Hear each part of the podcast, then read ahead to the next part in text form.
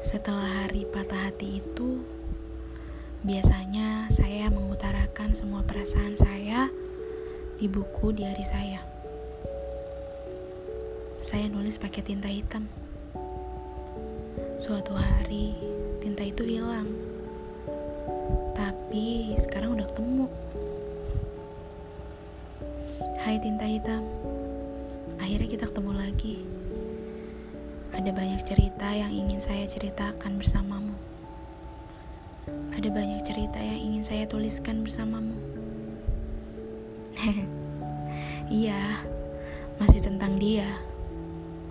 Dia yang pernah bersamaku.